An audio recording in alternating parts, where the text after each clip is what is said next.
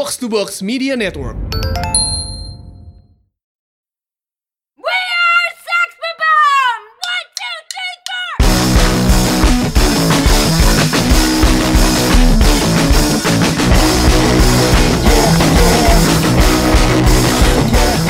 Selamat datang di Kumur Podcast bersama Mindan. dan High Priest. So, very special episode today. We're celebrating something very near and dear to our hearts. Yep. Jadi, Juli kemarin, tanggal 20, pokoknya selama, during Comic Con weekend, Scott Pilgrim resmi 10 tahun. Rounds of applause. Ya. Both comic and movie. Karena seriesnya itu, Tamat Eh, pas tamat. filmnya keluar kan? ya deket-deket film, deket, de- deket banget. Ya, 10 tahun. It's been 10 years, man. Gila, lama juga ya. Udah satu dekade loh. Wow. It's been that long, huh? ya. Jadi karena itulah kita hari ini setelah sekian lama akhirnya bak jadi impetus buat ngebahas Scott Pilgrim. About Yes. damn time. We've, we've actually been waiting for this one as well, haven't we? Yep. Sebenarnya gue mau mulai dulu dengan pertanyaan. Em, lo pertama kali nemuin Scott, Scott Pilgrim gimana? Nah, ini dia. eh Scott Pilgrim tuh gue pertama tahu ya waktu itu sih announcement filmnya. Tapi se- jauh sebelum announcement filmnya, kayaknya gue udah pernah ngeliat satu panel komiknya zaman 9 gag. It's been a long time, man. Wow, that's been a while. Gue inget banget panelnya tuh gambarnya Julie yang dia lagi ngomong eh, I have the quote right here. Sebenarnya gue juga bisa recite, but Steven, you know how wha- how when a baby is first born, it just cries at the sheer horror of being alive. that that quote stuck. uh, that quote stuck with me. Terus gue ngelihat gambarnya juga lucu. Gue research ini dari mana sih? Scott Pilgrim. Oke, I'll, I'll keep that in mind. Terus kelupaan, akhirnya ada announcement film. Baru gue baca.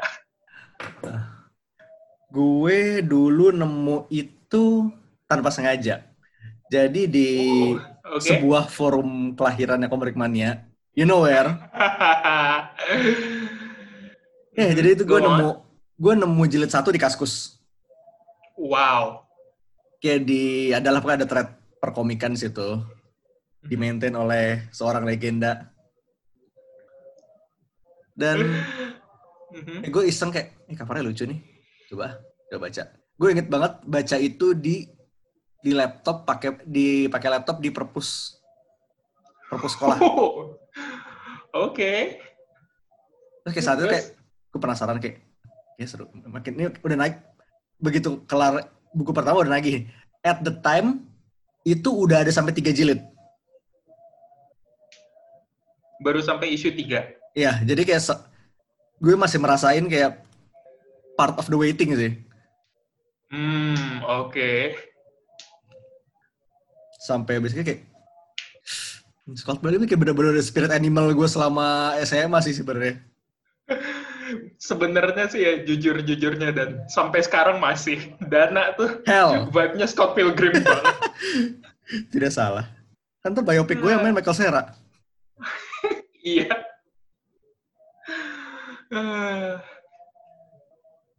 Dana Scott Pilgrim, Scott Pilgrim IRL banget, sumpah. Ya, jadi kayak bener-bener stuck lah. Dan gue kayak emang banyak personal memories juga sih.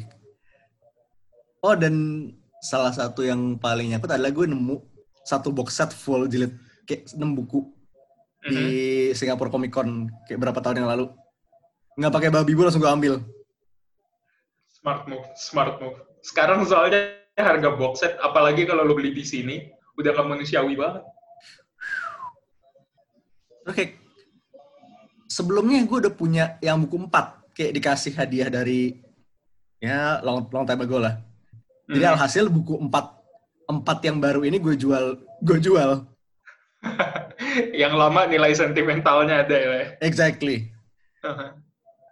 Oke, that's uh, sedikit primer kita kenapa bisa loncat ke Scott Pilgrim. So, buat yang belum tahu, I mean, you probably have heard about the movie.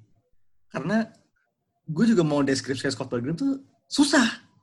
Mhm, It is. It's kind of hard to kayak kalau ada orang yang nanya Scott Pilgrim tuh tentang apa sih? Gue bakalan kayak eh hmm. gue bakalan gue sebenarnya bakalan bilang biopicnya Michael Cera sih. Tidak salah. Karena eh, gue nggak bisa deskripsikan dalam kayak kata-kata yang benar, tapi begitu lo baca kayak berapa halaman kayak, oh vibe-nya, eh, ini kayak slice of life tapi shonen juga dengan filter Canadian itu. Exactly. Itu accurate banget dan Oke, Canadian shonen slice of life itu dia Scott Pilgrim. that's exactly what it is. Ya, ini benar-benar it goes like everywhere. Kayak lo ada scene-scene date usual yang adult stuff, relationships, ngeband band yang jujur aja sangat tidak sangat kurang berkualitas, Iya. romance, tapi lo juga punya gebuk-gebukan Seven Evil Access. eh gaming references, lots of gaming references. Nih eh, pertanyaan gue ke lo nih. Ah, Who was your favorite ex di Scott Pilgrim? Uh. Sebenarnya jawaban gue bakal beda eh kalau lo ngomong film sama ngomong komik. Eh, komik deh sekarang komik. Kalau di komik, think kayak purely karena cool factornya aja, Todd Hmm. Okay, that's valid. That's valid. Kalau di film nih, From the sheer power of kegoblokan yang muncul di appearance dia, Lucas Lee. okay, those were the two right answers and you got them kayak on point semuanya. Karena gue juga sama persis. Oke, itu fair banget sih. Karena ya... Oke, jadi basically, Slice of Life, Fighting Evil Access, it's a lot of fun, really. Mhm. Kayak gayanya tuh bener-bener ngawur sih. Ngawur is the right word for this. To explain all this, ngawur it is. Ngawur banget. And so, dan itu itu yang bikin keren sih. Kayak Mhm. dari ya, terus eh, kita langsung masuk ke momen segini. Satu satu Oke. lagi, satu satu. Momen pertama gue adalah the immortal line. Bread makes you fat. yes, it is.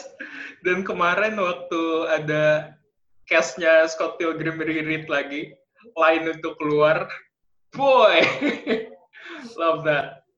Di film maupun komik, impact-nya kuat. Itu kayak the line, the line of the movie. Mhm. Ini kalau Die Hard punya kayak motherfucker, Scott Pilgrim punya Bread makes you fat. yeah, exactly. And that's That's saying something. Karena iconic lainnya banyak. Mhm. Oke, eh, satu dari lo. Eh, Oke, go on, go on. Enggak, yang paling quotable ya itu sebenarnya dari Scott Pilgrim.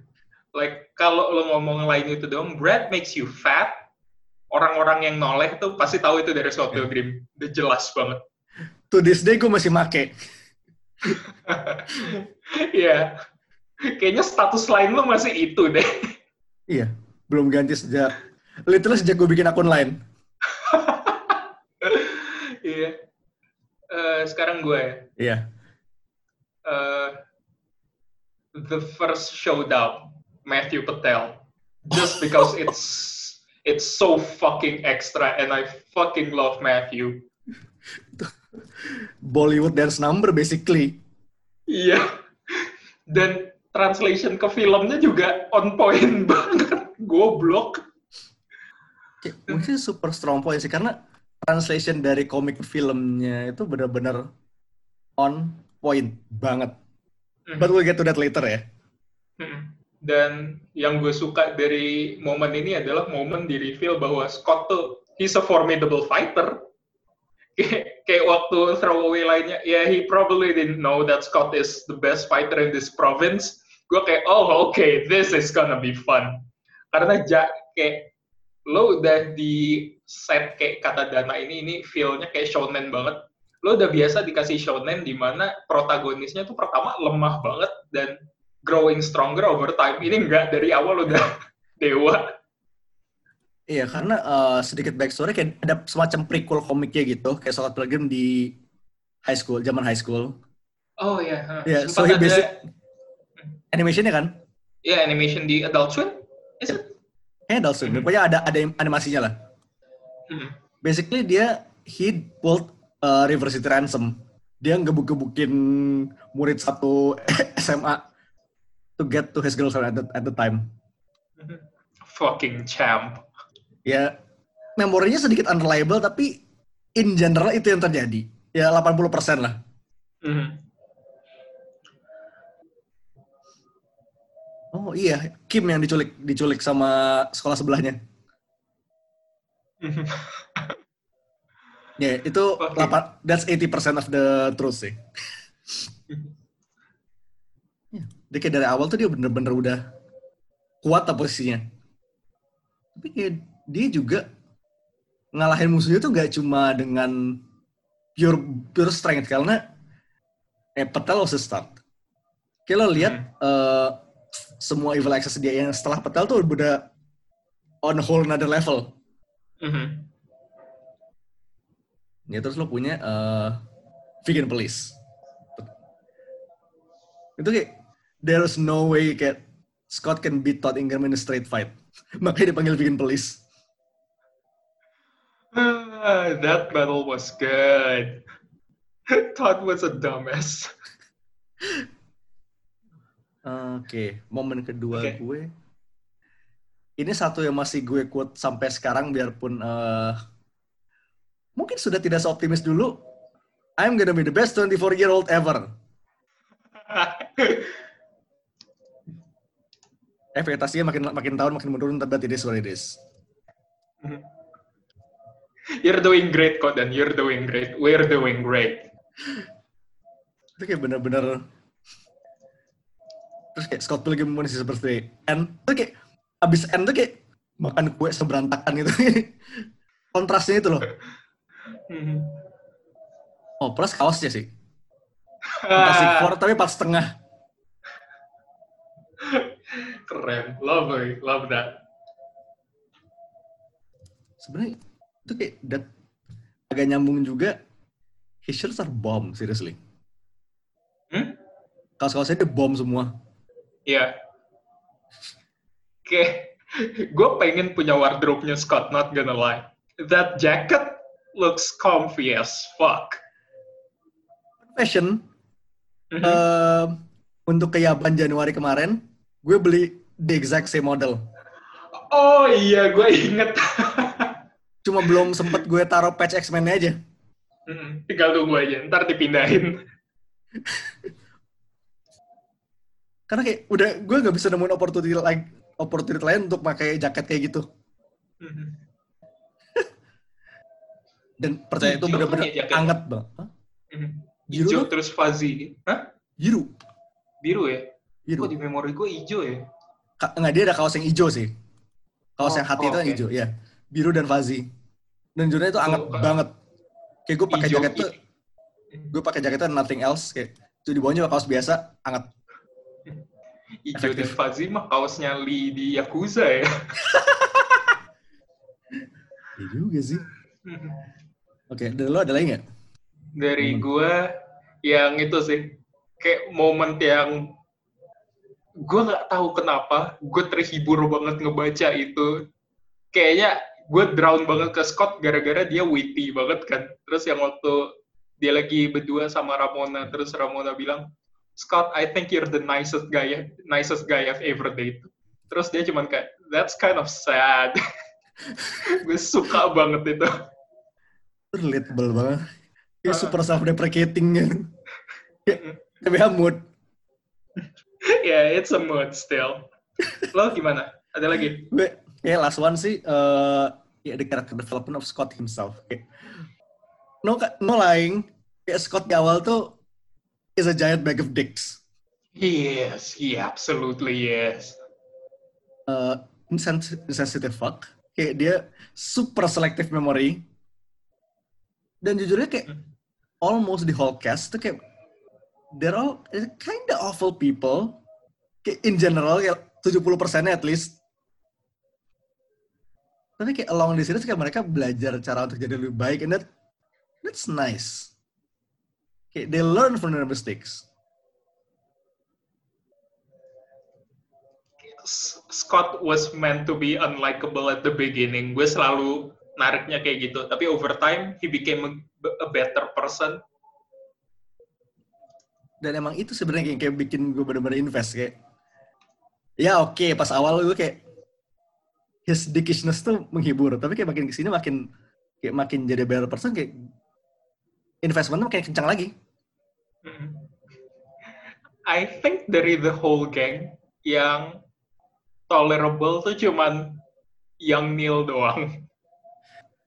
dan itu basically dia eh, sering banget terlupakan Iya. I think that's why he's tolerable. kayak nyaris gak almost non-existent gitu loh Mhm. so fun that's good and now the movie kayak Oh gue- boy, here we go. I mean Edgar Wright enough said Mhm. Kayak Dan- di, Mhm. ya di lanjut, gimana gimana Lu- lu dulu aja dulu. Oke. Um, Oke, as far as comic book adaptations go, kayak ini yang gue bisa bilang tuh paling faithful dan hebatnya adalah dia bisa ngemasukin enam buku dan enam buku ini bukan bukan tipis ya. Ini enam buku ukuran tangkobon jadi dua jam. Ya gimana ya, oke lah ada beberapa bagian yang di-cut dan cut-nya tuh agak-agak jahat, tapi ya energinya masih dapat, which is very amazing I'd say. Energinya itu kayak including kayak segala macam caption box itu Scott Pilgrim 23 years, years old, rating awesome. Itu ada di filmnya. Dan kayak ada meteran-meteran oh meteran itu sih. I have to pee on her. Ya ya. Itu kayak eh, all di video game visuals ada semua. Dan itu yang sudah bikin benar-benar kena. Dan performance-nya Michael Cera di sini, oh boy, oh boy, oh boy, oh boy. Where to fucking begin? We love this guy with a passion. Eh, fun fact. Lo Hmm. ingat kan ada scene di mana si Scott nerima paket dari Ramona terus lalu dilempar ke tong sampah? Oh iya itu uh, they took it berapa kali sih? Itu 30 pakai 40 efek kali.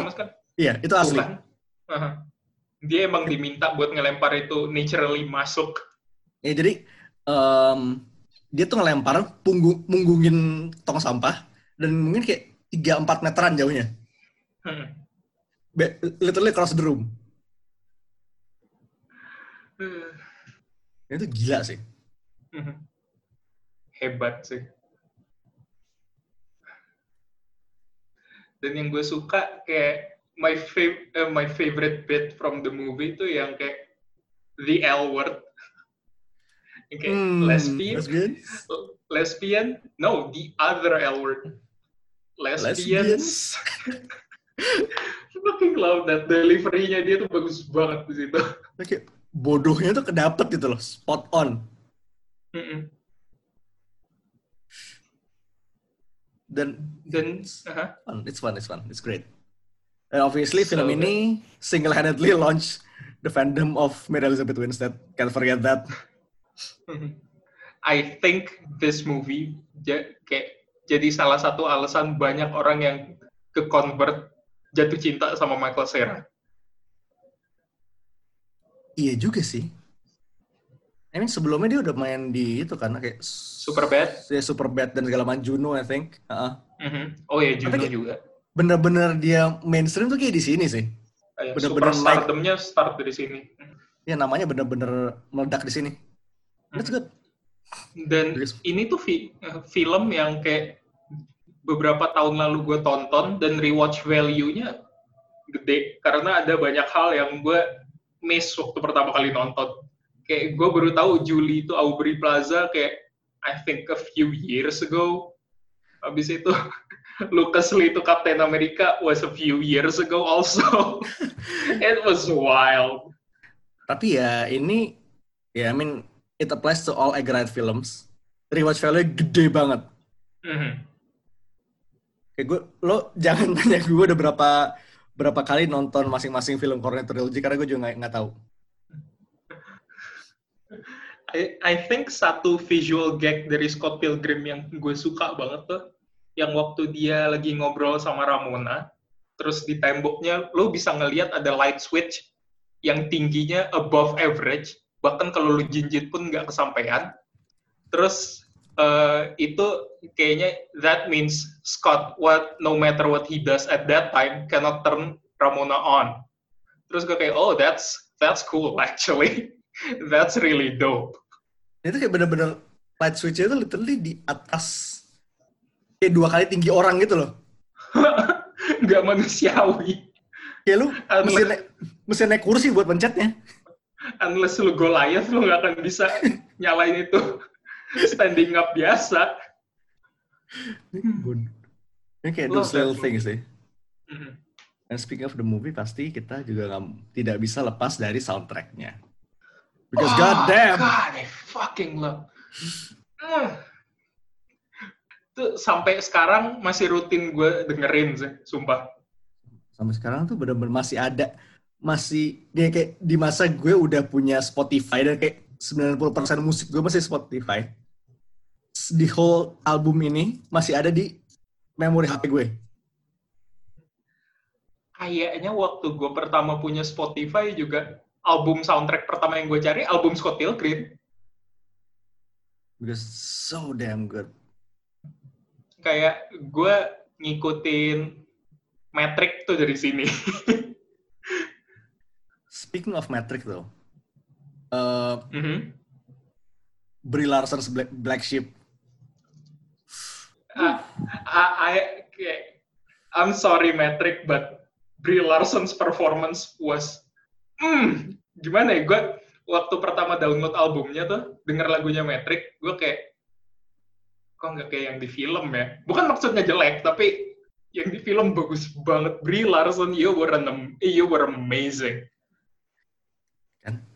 Ini kayak bener-bener, hmm. Ya pokoknya basically satu soundtrack ini sama soundtrack late high school gue sih. Jadi, ya, the more you know. It fits. Dan kayak bener-bener Eh, uh, ini deh. Mhm. sex bobom, kayak lagu-lagu sex bom itu kayak bener-bener jelek. Like, jelek in a good way. ya kayak trashy bener-bener trashy yang enjoyable gitu loh kayak it's so bad you can't help but enjoy it for what it is. Nggak, pas gue denger kayak gue kira ini ini headphone gue rusak apa gimana? Distortionnya kenapa keras banget? Oh enggak emang distortionnya kayak gitu. Itu bukan musik Eh. pakai distorsi itu distorsi ada musik ya. Yeah exactly. They abuse the hell out of the distortions. Eh, sekarang ini deh lagu favorit lu dari album itu apa wow. Wow. Terserah mau sex bobom or anything. No. Sex bobom gue harus kasih ke threshold sih. Hmm. It is good though. It is good. Bahkan di filmnya juga keren banget. Itu kayak dari eh, lagu-lagunya mereka yang you know trashy memang itu kayak paling mending which is saying Mhm. something. Tapi yang non sex bobom I think lagu Plum Tree-nya sih Oh, lagu Plum Tree. Yeah, that's good. menyenangkannya dengerin nih Kalau gua yang dari Sex Bobom, Garbage Truck, solely Yes. because it's so ugly. I can't help but love it. Terus Dan? kalau yang non sex yang yang non sex bobom tuh eh apa sih Blood Red Shoes tuh lagunya? Eh, It's Hmm. Getting Boring by the Sea. oh itu energinya asik banget sih yes Iya. Mhm. Ini Yes. kayak lagu chasing banget gue suka. oke that's good that's good so Mhm. soundtrack movie Dan of course kemarin itu pas Comic Con Weekend ada table reunion table read-nya. Which is a lot of fun. Iya. Ya lo merasakan energinya kayak again. Mhm.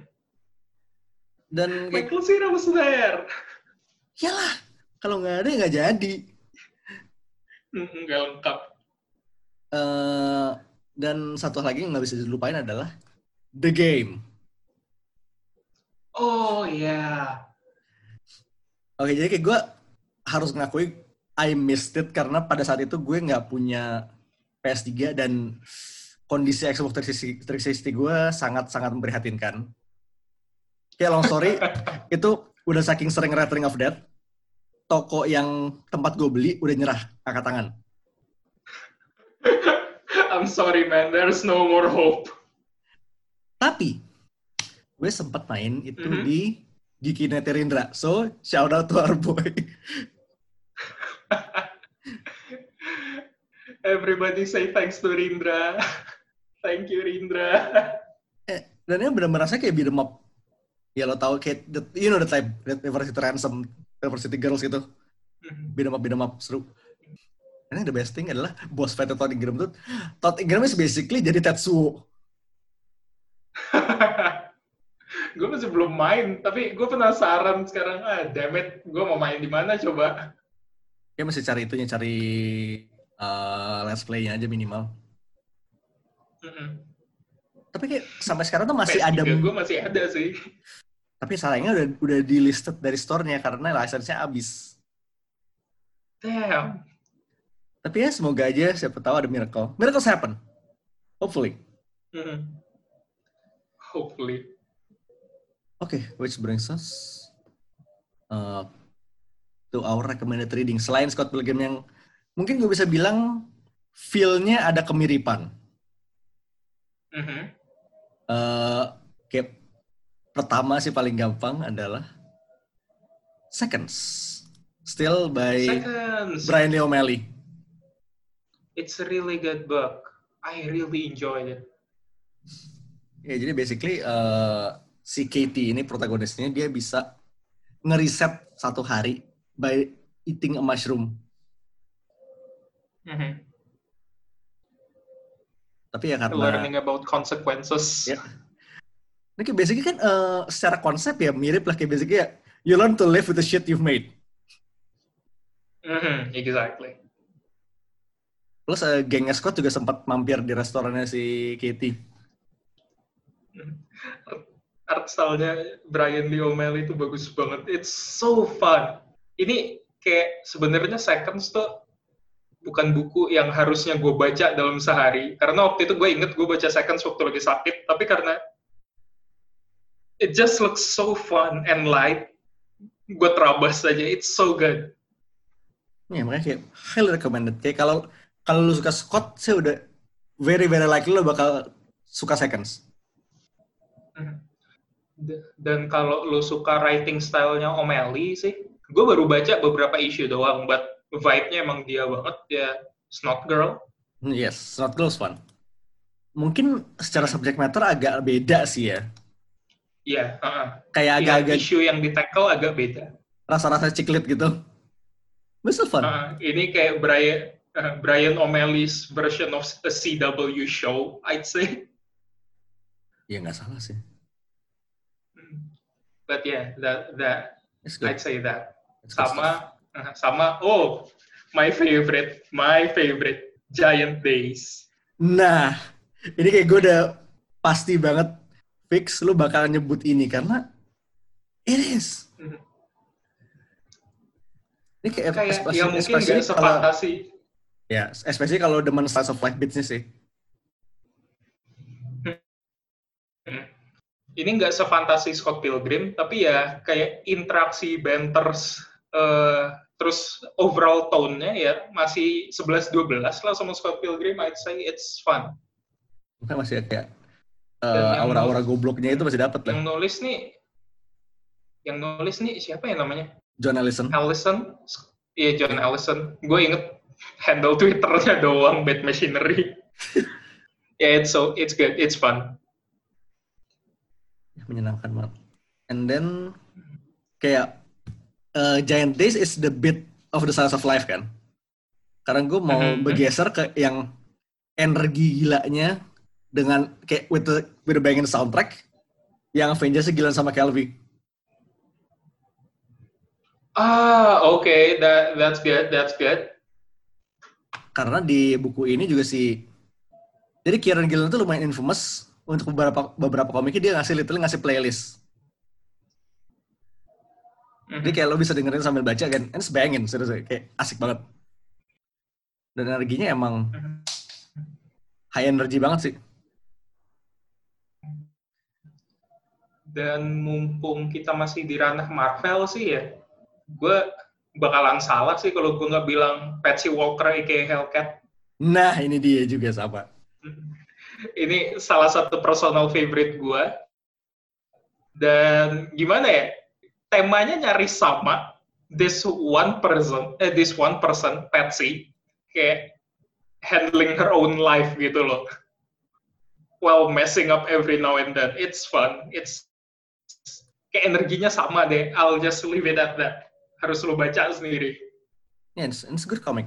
Nggak, nggak banyak juga kan, itu cuma berapa sih, nggak nyampe belasan. eh I think dua-dua sih kalau gua nggak salah. Oh, dikit itu. Dikit banget. 22 isu. Mhm, Masih dikit banget. Sekali duduk habis itu sumpah.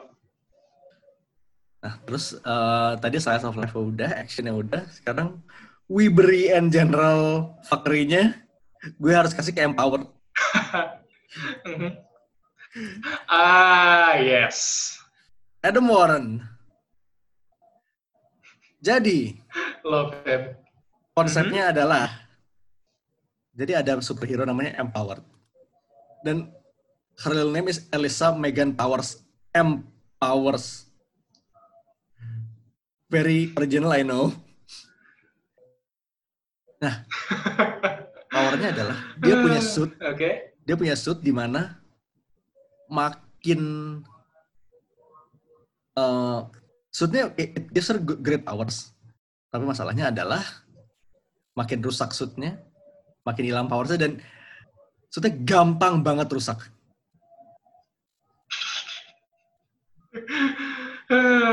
It sounds fan servicey, I know, but it's good. It, it genuinely is fun. Hmm, bukan sos memang fa- fan service sih Mm-mm. tapi ya yeah, it's fun dan kayak purely for the uh, kebodohan-kebodohan dan kayak the very very very amazing cast of characters kayak bener-bener karakternya aneh-aneh banget kayak lo punya nama-nama kayak Dr. Big McLarge Huge Dwarf kayak war-nya huruf kapital ada tanda seru di belakangnya that's a good name. That's a good name. Terus ada eh basically sebuah demon lord yang kejebak di bondage gear dan sekarang eh dig- digeletakin di meja apartemennya si M. Namanya The Case Demon Wolf. Demon Wolf. It's wild. Mhm. It's super wild. Ya benar-benar lo harus coba sih. Wild tapi kayak at times emang heartfelt banget sih.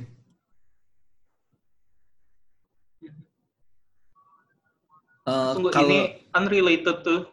ya unlike Unrelated to Scott Pilgrim, tapi Adam Warren ini Venom kan kemarin? Yep, Iya. Good. Venom the End. Ya kita udah bikin satu episode sendiri buat itu. Because Duh, that right. good, that good. Oke, oke. Lanjut. And itu udah semuanya, itu rekomendasi kita udah semua. Oh yeah, I think that's all. So, eh mungkin kalau lo enjoy kita ngomongin weep shit, lo bisa ngecek episode beberapa episode lagi kita sempat collab sama Otaku Box. Oh, hell yeah. Looking forward to work with those guys again. Kayak super weebery. Weebery everywhere. Mhm. And speaking of Wibri, kayak mungkin topik kita minggu depan juga bakal sedikit menyerempet ke situ juga sih karena kita bahas sesuatu yang eh, digandrungi ciwi-ciwi. because chick sick dick giant robots. Oh. Oh, hell yeah. We going mecha boys. You, uh, you cannot see me right now, but I'm rubbing my thighs because it's going to be wild. Yeah. Oke, jadi sebelum kita tutup episode minggu ini, kita punya satu pertanyaan untuk eh, kalian para netizen dan sobat komik di luar sana. Who's your worst ex? Bukan yang itu. Tapi kalau lu mau jawab boleh.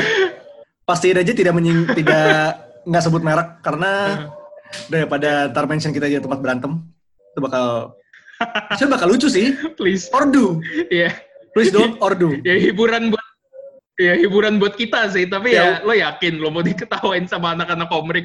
Ya, we're not your mom. Eh, Oke, jadi se di awal podcast ini gue sempat bilang kayak Scott Pilgrim is quote unquote my spirit animal. Nah, mhm, gue mau nanya, kayak siapa sih karakter komik yang kayak lo bisa sangat relate dan kenapa? mhm. Iya. That's gonna be fun. So yeah, that's it for today's episode. Sampai jumpa minggu depan in our Mecha episode. Yeah, finally.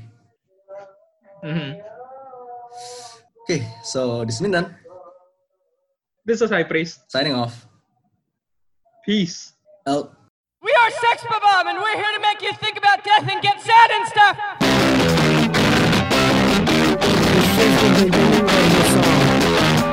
I'm hearing voices, animal voices, the tremor of calm, the feminine abyss, and I'm reaching my threshold, staring at the truth till I'm blind. My body's stupid, stereo pure. Reaching my threshold, staring at pictures till I'm blind